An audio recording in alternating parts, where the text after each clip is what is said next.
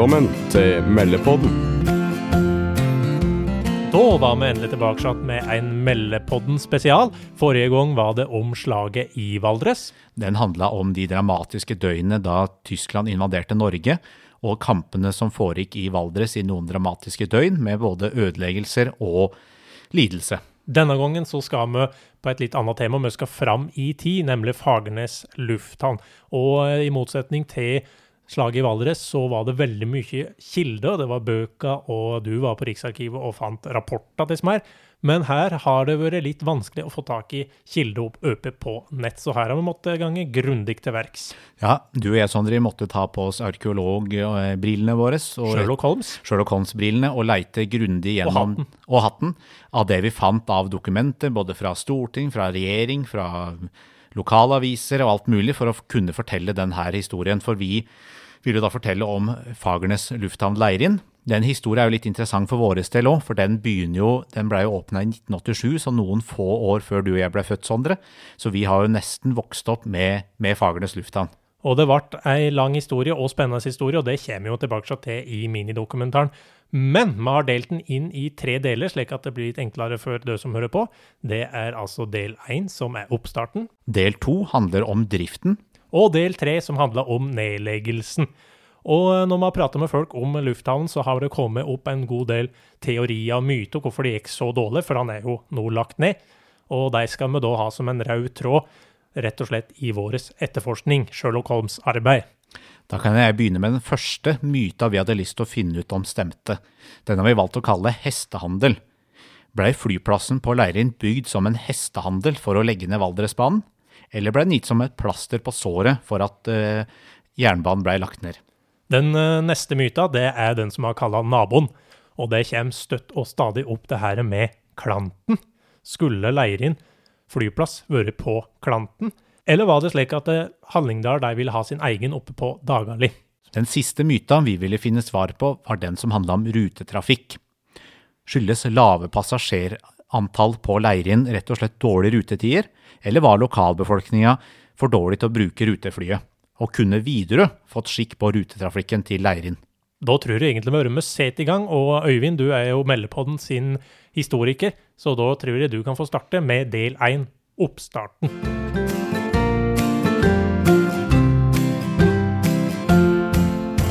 De første planene for bygging av en flyplass i Valdres kom i Norsk samferdselsplan fra 1977. Her ble det vurdert bygging av opptil åtte kortbaneflyplasser i Norge, bl.a. Tolstadåsen i Nord-Gudbrandsdalen, Førde i Sogn og Fjordane og Valdres. Alle lokasjoner ble vurdert hver for seg og utredet til å fungere som helårsrevet kortbaneflyplass, betjent av Widerøes Twin Otter-fly med kapasitet på 20 passasjerer. Denne utredningen får en sentral betydning når lokalpolitikere fra Valdres jobber med sine planer, ettersom utredningen blir lagt til grunn for bygging og lokalisering av flyplass i østlandsområdet.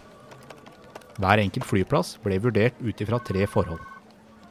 Flypassasjergrunnlag, tekniske og operative forhold og kostnadsvurderinger.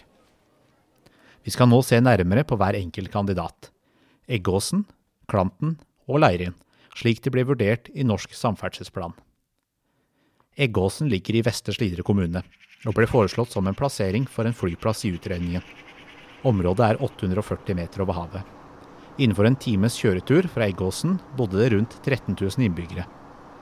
Pga. avstand til Eggåsen ble det vurdert at innbyggerne i Sør-Aurdal, Nordre Land og deler av Etnedal i svært liten grad ville benytte seg av Eggåsen for reiser til og fra Oslo.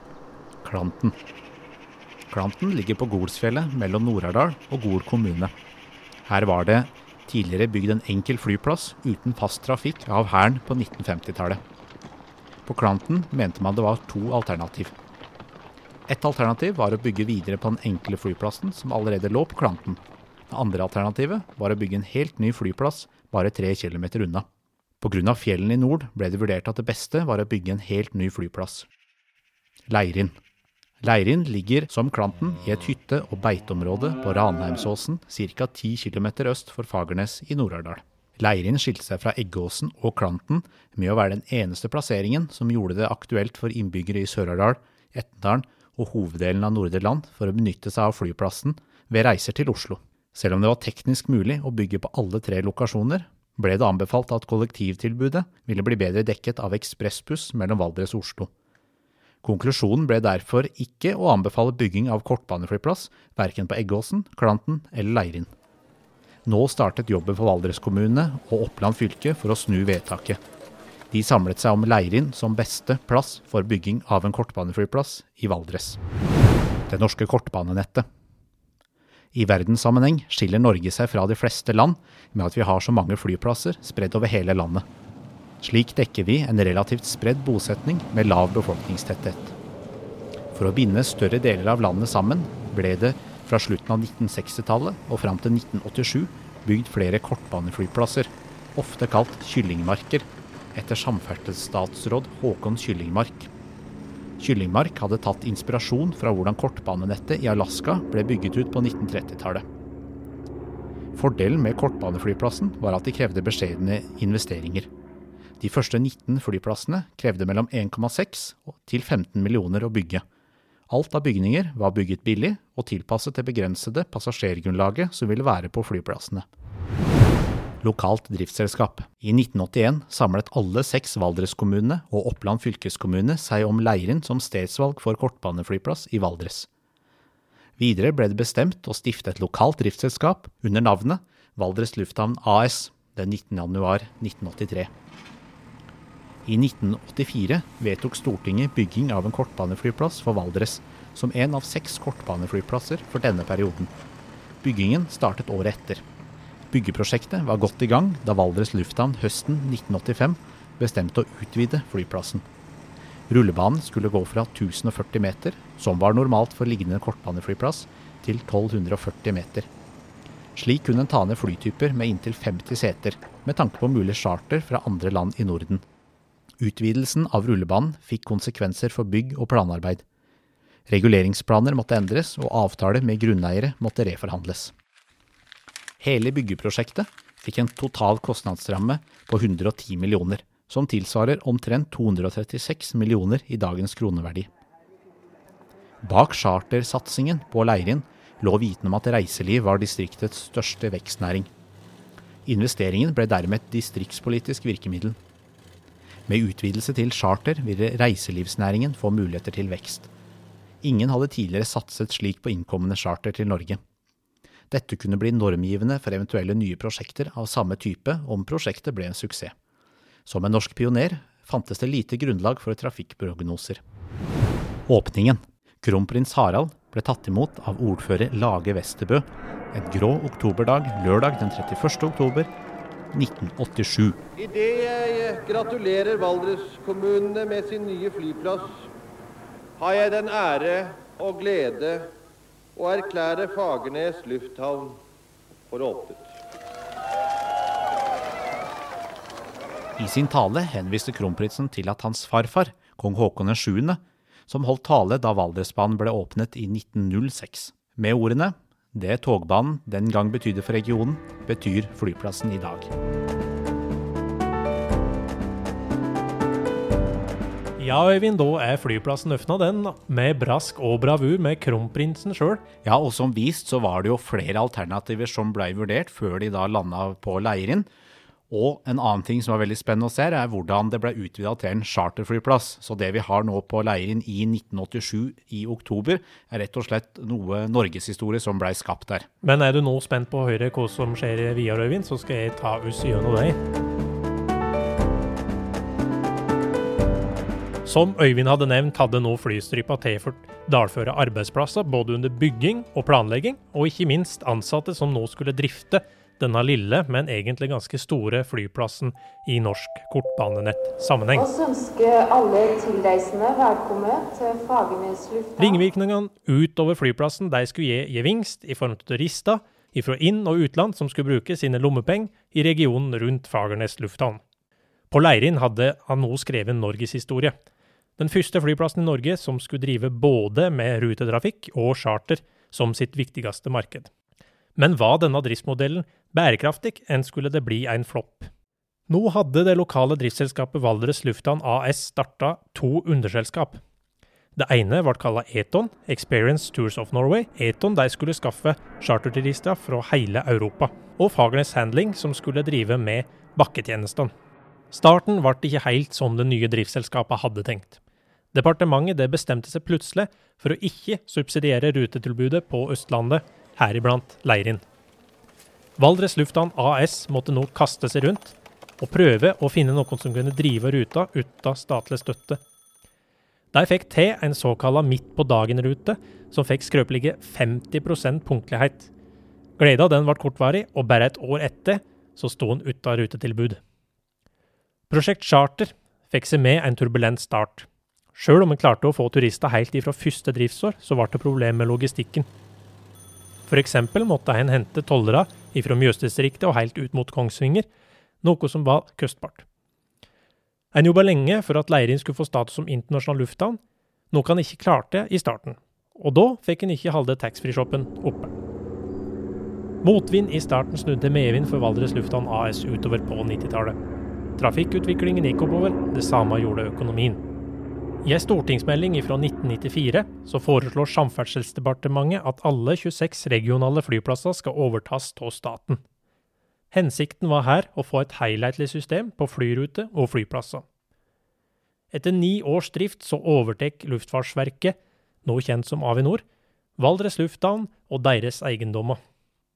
I siste generalforsamling for Valdres lufthavn AS ble det bestemt å videreføre selskapet, men med nytt navn og nytt formål. Nå skulle en gå fra drift til ivaretakelse av lokale interesser. Flyplass er kanskje ikke det du tenker først på når du skal nevne et flott bygg. Men én lufthavn skiller seg ut i dette galleriet, og det er fjellflyplassen i Valdres. Ettersom en laga hele anlegget fra start, så kunne en starte med blanke ark, der highlight var stikkordet. Eieren Avinor omtaler det som flyplassen for det norske høyfjell. Nå skal vi se litt mer på det som var limet i sjølve flyplassdriften. Flyruta. Store, kjente selskap mente ikke det var grunnlag for å drive ei flyrute til fjellregionen. De lokale mente det motsatte, og la turist- og konferansemarkedet til grunn. Mange flyselskap søkte og dreiv rutetrafikken, noe som ga flere uheldige konsekvenser for driften, særlig med tanke på markedsføring. Hovedmarkedet for flyruta gikk fra Fagernes til Oslo. Før Gardermoen var tatt i bruk i 1998, gikk det til Fornebu, men det har med vært mulig å ta fly til bl.a. Røros, Bergen, Ørlandet, København og Åleborg i kortere periode. Vi skal nå prate om de forskjellige ruteoperatørene som var på Fagernes lufthavn. Første var Sandefjordselskapet Norsk Air på ruta Oslo-Fagernes-Bergen. Med avganger til Oslo og Bergen med Norsk Air. I starten var selskapet eid av Kosmos, en del av rederivirksomheten til hvalfangeren Anders Jahre. Etter bare ett års drift så ble ruta lagt ned, og senere ble selskapet kjøpt opp av Widerøe. Som nevnt så kom Fagernes inn på det statlige rutenettet. Lokalt så ville han ha en kjent aktør som Widerøe til å drive ruta, men departementet på den andre sida ville ha nye aktører inn på det norske kortbanenettet. Coaster vant kontrakten, og anbudskonkurransen gikk i departementets favør. Selskapet klarte å få en god regularitet, og trafikkvekst den økte med 10 og de fikk drive ruta i seks år. Nok en håpefull aktør sett i gang på Fagernesruta. Nå var det selskapet TDR med hovedkontor på Geitryggen i Telemark som vant anbudsrunda.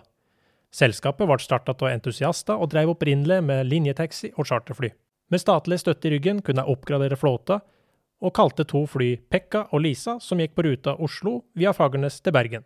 Dessverre ble det ingen stor suksess, og TDR fikk heller ingen økonomisk gulrot ved å drive flyruta.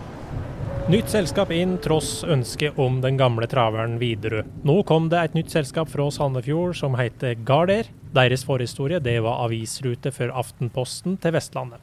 Etter bare ett år så måtte de kaste inn håndkle. På tross av det så klarte de å få den beste kvartalstrafikken som Fagernes hadde sett. Årsaken til konkursen det var tap på hver 30 millioner i forsøk på ei rute mellom Oslo og Gøteborg i et veldig hardt marked. Etter at Gard Air gikk konkurs mars samme år, måtte Samferdselsdepartementet ut og hente nye tilbud fra andre aktører. Endelig kom Widerøe best ut og vant anbudet, og de lokale de håpa at en stabil operatør med et etablert rutenett skulle redde rutetrafikken til Fagernes. Widerøe på si side de var ikke helt sikre på grunnlaget, og ville bruke dette som en test for å sjekke om Fagernes var liv laga. Etter at Widerøe var ferdig med sin midlertidige kontrakt, kom en annen nordlending på rullebanen. Selskapet Arctic Air starta egentlig opp med sjøflytransport på Finnmarksvidda, og skulle nå prøve seg på Fagernes. Med en helt ny rutetabell klarte de å øke passasjertallet. Til tross for dette her, så tok det bare ett år før en ny aktør kom til Fagernes, og Arctic Air måtte legge ned driften. Til Leirin returnerte nå Coastage, som skulle drive rutetrafikken til Leirin i seks år. Etter bare fem så måtte Coastage, som eh, sine forgjengere, legge ned driften etter en konkurs. Med nok en konkurs måtte det ut en ny midlertidig kontrakt som Air Norway vant i ett år. Forhistoria deres var å flyge på Forsvarets flystasjon på Ørlandet etter et initiativ fra kommunen. Ettersom de ikke hadde lisens eller egne fly, så måtte de ut og hente samarbeidspartner som de fant i danske North Flying. Fra en danske til en annen. Som en av få utlendinger som hadde prøvd seg på det norske innenriksmarkedet, kom nå Danish Air Transport DAT med sitt underselskap DOT inn til Fagernes. De prøvde seg bl.a. på ei sommerrute til Røros i sine fire år på Leirin. I konkurranse om de neste fire årene vant på nytt Air Norway ruta på si rute mellom Ørlandet, Oslo og Fagernes. Her dreiv de i fire år helt fram til Stortinget bestemte at nå var det slutt for rutetrafikk til Fagernes med fly. Fra øvningsåret i 1987 og de 29 årene til 2016 var det hele åtte flyselskap innom på Leirin, noe som ble oppdelt og eh, usammenhengende for rutetilbudet til Valdres. I dette delkapitlet skal vi prate om chartervirksomheten på Fagernes lufthavn. For oss nordmenn så forbitt vi ordet charter kanskje med sydenreise til Gran Canaria, Kypros enn Mallorca. Konseptet det er såre enkelt, ei pakkereise der turisten kjøper én billett til fly, overnatting, transport og opplevelser. Når nå Leirin skulle bli en del av dette prinsippet, så var det et helt nytt flyplasskonsept som skulle skaffe turister til distriktet. Transportøkonomisk institutt beskrev det slik den første av mange enn den første siste. Turistjegerne, som vi nå vil kalle dem, det var de som skulle jobbe for å skaffe turister til Valdres og områdene rundt. Og nå skulle de ut i det store utland for å finne turister, og vi hoppa tilbake til 1984.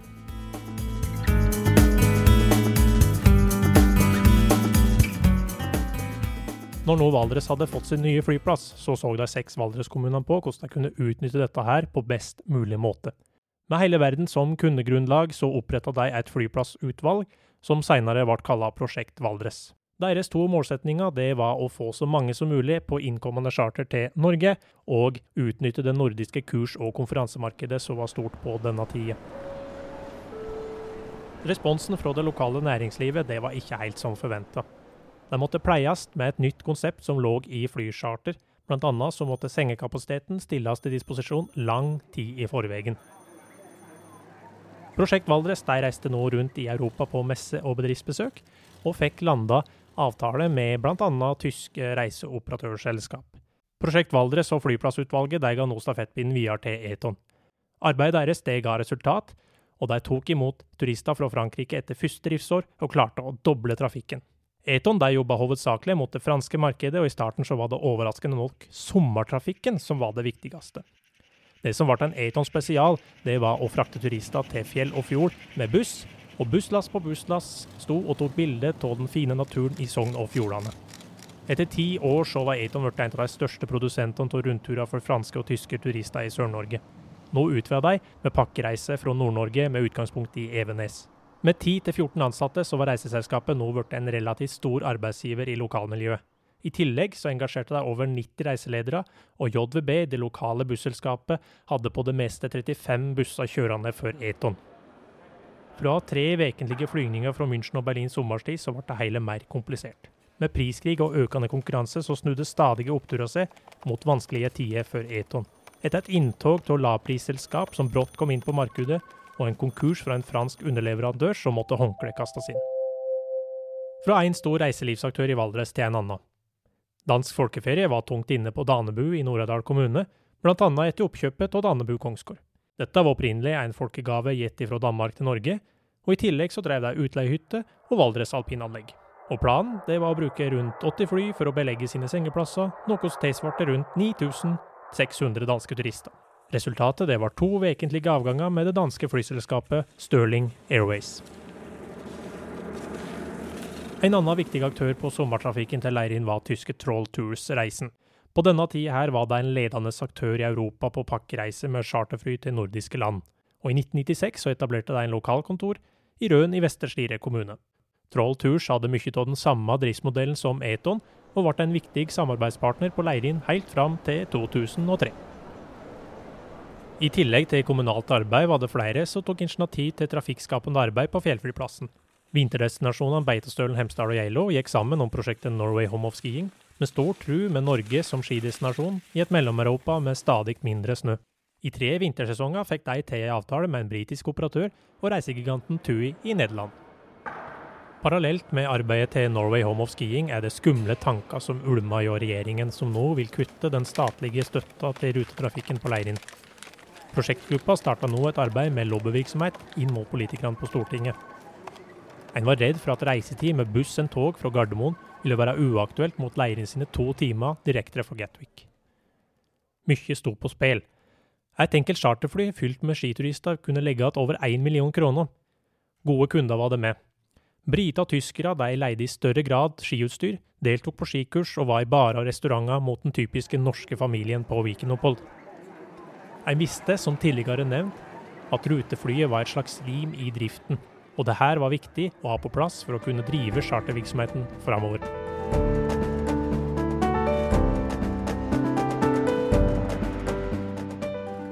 Ja, takk Sondre. Nå har du fortalt den spennende historia som var om chartertrafikken på Leirin.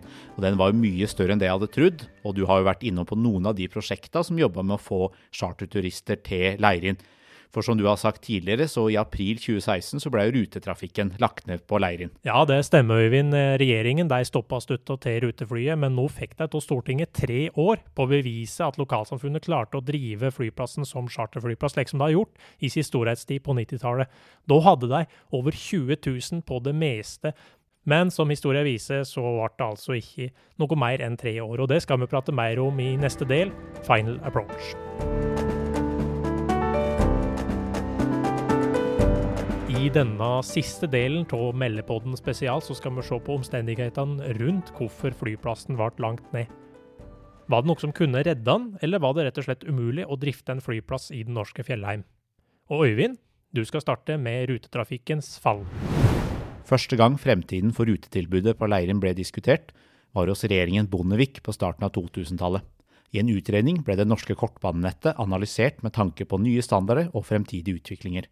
Siden starten av kortbanenettet på 1970-tallet hadde infrastrukturen endret seg mye fram til det nye årtusen. Nasjonalt hadde nye veier og bedre biler lagt andre premisser for kortbanenettets behov i samfunnet. Som nevnt skulle kortbaneflyplassen betjene distrikter med krevende kommunikasjon og lang avstand inn mot regionale flyplasser.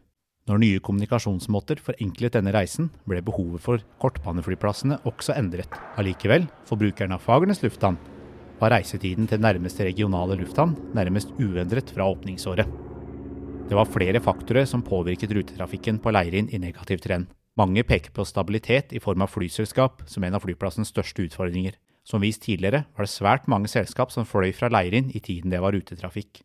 Med treårskontrakter ble ruten preget av lite kontinuitet for passasjerer, flyplassdriften og flyselskapene. Leirin ble ofte brukt som skrekkeksempelet på tungt subsidierte ruter på kortbanenettet. Selv om Fagernes lufthavn Leirin toppet subsidiestatistikken, betyr ikke dette at andre kortbaneflyplasser var økonomisk lønnsomme. Kortbanenettet må ses i en samfunnsøkonomisk kontekst. Nedleggingsspøkelset truet Leirin-ruta periodevis utover 2000-tallet. Dette ble tyngende for fremtidsplanlegging og et naturlig tema som hang over flyplassdriften. Beslutningen kom fra Stortinget i 2015 at Avinor fra 1.4.2016 skulle drive Fagernes lufthavn som en ren charterlufthavn. Etter å ha sett på rutetrafikkens fall, skal vi nå se på chartertrafikkens eh, fall. Når vi har studert eh, charterdelen til Leirin, så har vi ofte sett at den blir framlagt som en pionervirksomhet utprøvd i et eh, slags vakuum. Men ser en vestover, så ser en jo fort at Fagernes ikke er så unik som en kanskje tror. I 1985 så bygde en etter initiativ fra kommunene i Hallingdal og det lokale næringslivet flyplassen Dagali ved Eilo. Dagali ble aldri en del av statens kortbanenett slik som på Leirin og driftskostnadene måtte i sin helhet bli dekt av eiere, kommune og næringsliv. Som på Leirin var det charter som sto for mesteparten av trafikken til flyplassen, og på mange måter så er Leirin og Dagali en copy-based av hverandre. Flere hang seg på trenden, og kommunene rundt Notodden flyplass hadde identiske planer som i Hallingdal og Valdres. Til forskjell fra charter fra Norge til varmere strøk, må destinasjonene her ut for å hente sine kunder. Mot slutten så prega lokal optimisme seg av usikkerhet rundt flyplassens videre drift og endra reisevane. Markedet og produktet det var i prinsipp til stades, men for mange operatører ble inntjening for marginal sett opp mot risikoen de måtte ta. At mange selskap vegra seg for å satse, fikk innvirkninger mot den langsiktige horisonten for å bygge opp destinasjonen. Fagernes lufthavns store fortrinn og merkevare var å lande midt i opplevelsene. For en skiturist ble gjennomsnittlig reise fra fly til skibakke i overkant én time med buss. En formidabel utklassing i forhold til en kronglete busstur fra Gardermoen til Beitostølen, Hemsedal og Geilo. Reisetid til tross akilleshælen for den lille fjellflyplassen, det var høye etableringskostnader og varierende volum av reisende. Det her var altså ikke noe lett match. Pent brukt flyplass til salg. Den 1. juli 2018 var det slutt på kommersiell trafikk på Fagernes lufthavn Leirin. Oppdraget til Avinor på Leirin gikk nå fra drift til nødvendig vedlikehold og klargjøring for salg. Det ble bestemt at Avinor skulle ta vare på Leirin fram til 1. juli 2021. Nå ønsket man å legge til rette for privat drift, for å fortsatt kunne ta inn turister til Valdres med fly. Tall fra Avinor viste at det ville koste omkring 8 millioner å drifte Fagernes lufthavn Leirin. Første store utfordring for den nye eieren ville bli investeringer for å opprettholde internasjonal standard for passasjertrafikk. En konsekvens her ble å bruke deler av rullebanen som sikkerhetssone. Det medførte igjen vektbegrensninger for de største passasjerflyene. Oppgradering av sikkerhetssonen ville koste omkring 50 millioner kroner. En vesentlig kostnad for en eventuelt nyetablert flyplasseier. En stor ripe i lakken for mulig statlig støtte til en privat driver av flyplassen vil være EØS-regelverket. Utfordringer rundt EØS-regelverket har gjort at flyplassen ikke har blitt lagt ut til salgs enda.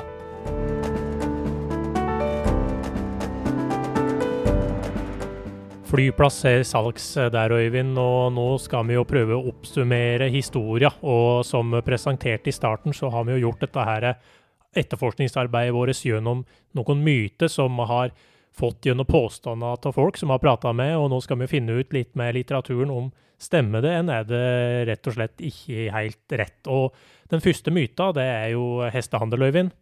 Ja, Den kalte vi hestehandel. Det går rett og slett på ble flyplassen bygd som en hestehandel for å legge ned Valdresbanen, eller ble den gitt som plaster på såret etter bortfall av jernbane? Den andre myta den kaller vi naboen. Bygde hallingene flyplassen på daglig for å vise at de ikke var dårligere enn Valdres, enn var det kanskje omvendt? Og hadde flyplassen vært operativ i dag om den hadde vært plassert på Gorsfjellet ved Klanten? Den siste myta kalte vi for rutetrafikk til besvær. Skyldes lave passasjertall dårlige rutetider, eller lokalbefolkningens manglende vilje til å bruke ruteflyet? Og kunne videre fått skikken på rutetrafikken til Leirin. Da går jeg i gang med den første myta hestehandel. Og da lurer vi på ble Valdres utsatt for en hestehandel fra staten ved at Valdresbanen ble lagt ned i bytte mot Leirin.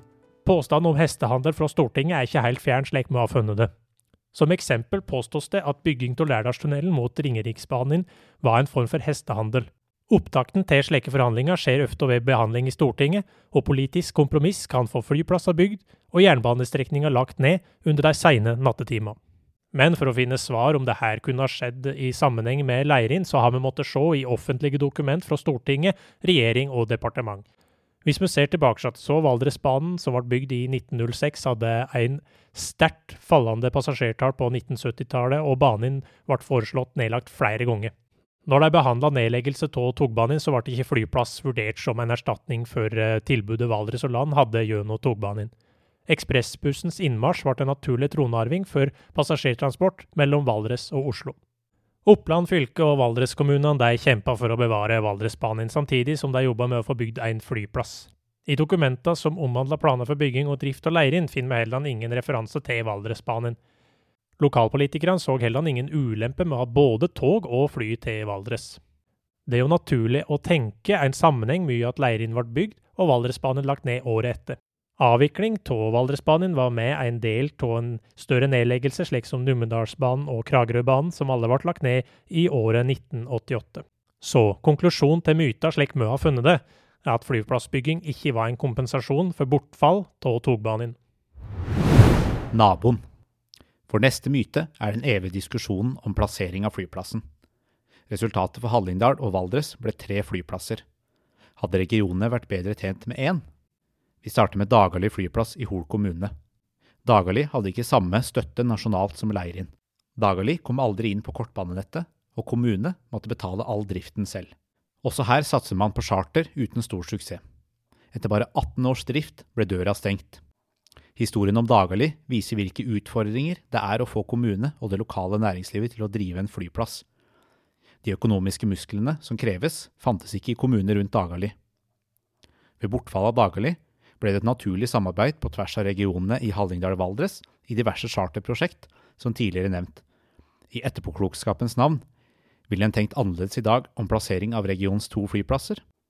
Klanten nevnes av mange som svaret i denne gåten. Lufthavnen på Golsfjellet kunne betjent både Hallingdal og Valdres. I første del snakket vi om utredningen som førte til at det ble bygd en flyplass på Leirin. Samferdselsdepartementet så i den utredningen kun på Valdresregionen sitt behov.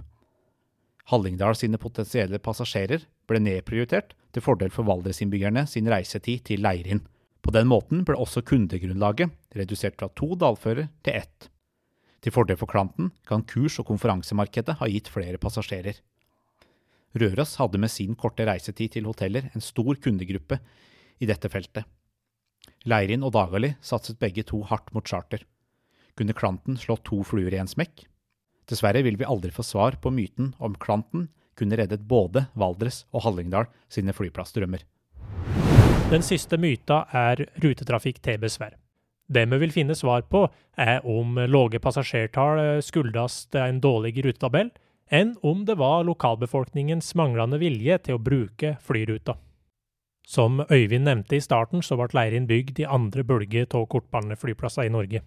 Her prioriterte en i større grad forretningsreisende, oljependling og turisme mot den første bølga som var mer enn flygende buss. Leirin hadde alltid lyst til å bli en del av denne kjeda, spesielt på ruta som gikk mellom Oslo, Sogndal og Sandane. Rutetid for Øft og Skulder for Fagernes sin dårlige passasjerstatistikk. Dette her vanskeliggjør det bl.a. møteaktivitet i Oslo. Det mangler ikke på initiativ en press fra flyplassen enn Valdresregionen for å få et bedre rutetilbud, men like viktig var det å få gjennomgående bagasje med andre kjente selskap når du kom til Gardermoen. Den andre syndebukken for dårlig passasjerstatistikk var mangel på solide flyoperatører. Alle håpa at den nordnorske bautaen Widerøe kunne få fart på sakiden, og som en interessant sammenligning så hadde Røros lufthavn i 2009 et passasjertall på rundt 8000, og når Widerøe kom på banen, så klarte de i løpet av fire år å nå hele 22 000 med sitt flyselskap. At det finnes et passasjergrunnlag for å reise mye Valdres og Oslo, det er bevist gjennom Valdresekspressen sine 100 000 reisende årlig, selv om noen her med er underveistrafikk. Siden Leirin aldri fikk noe vesentlig endring i sine rutetabeller, så er det vanskelig for oss å konkludere på denne myta her. Valdreskommunene og Oppland fylkeskommune hadde mange saker der de ønsket seg et bedre rutetilbud, men fikk aldri et gjennomslag.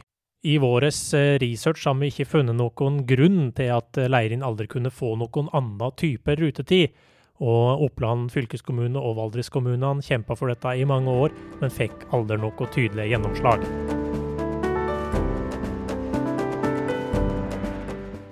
Tyskerne har et uttrykk som heter 'Sonderweg', som oversatt til norsk betyr 'egen vei'. Dette er kanskje historien om Leirin.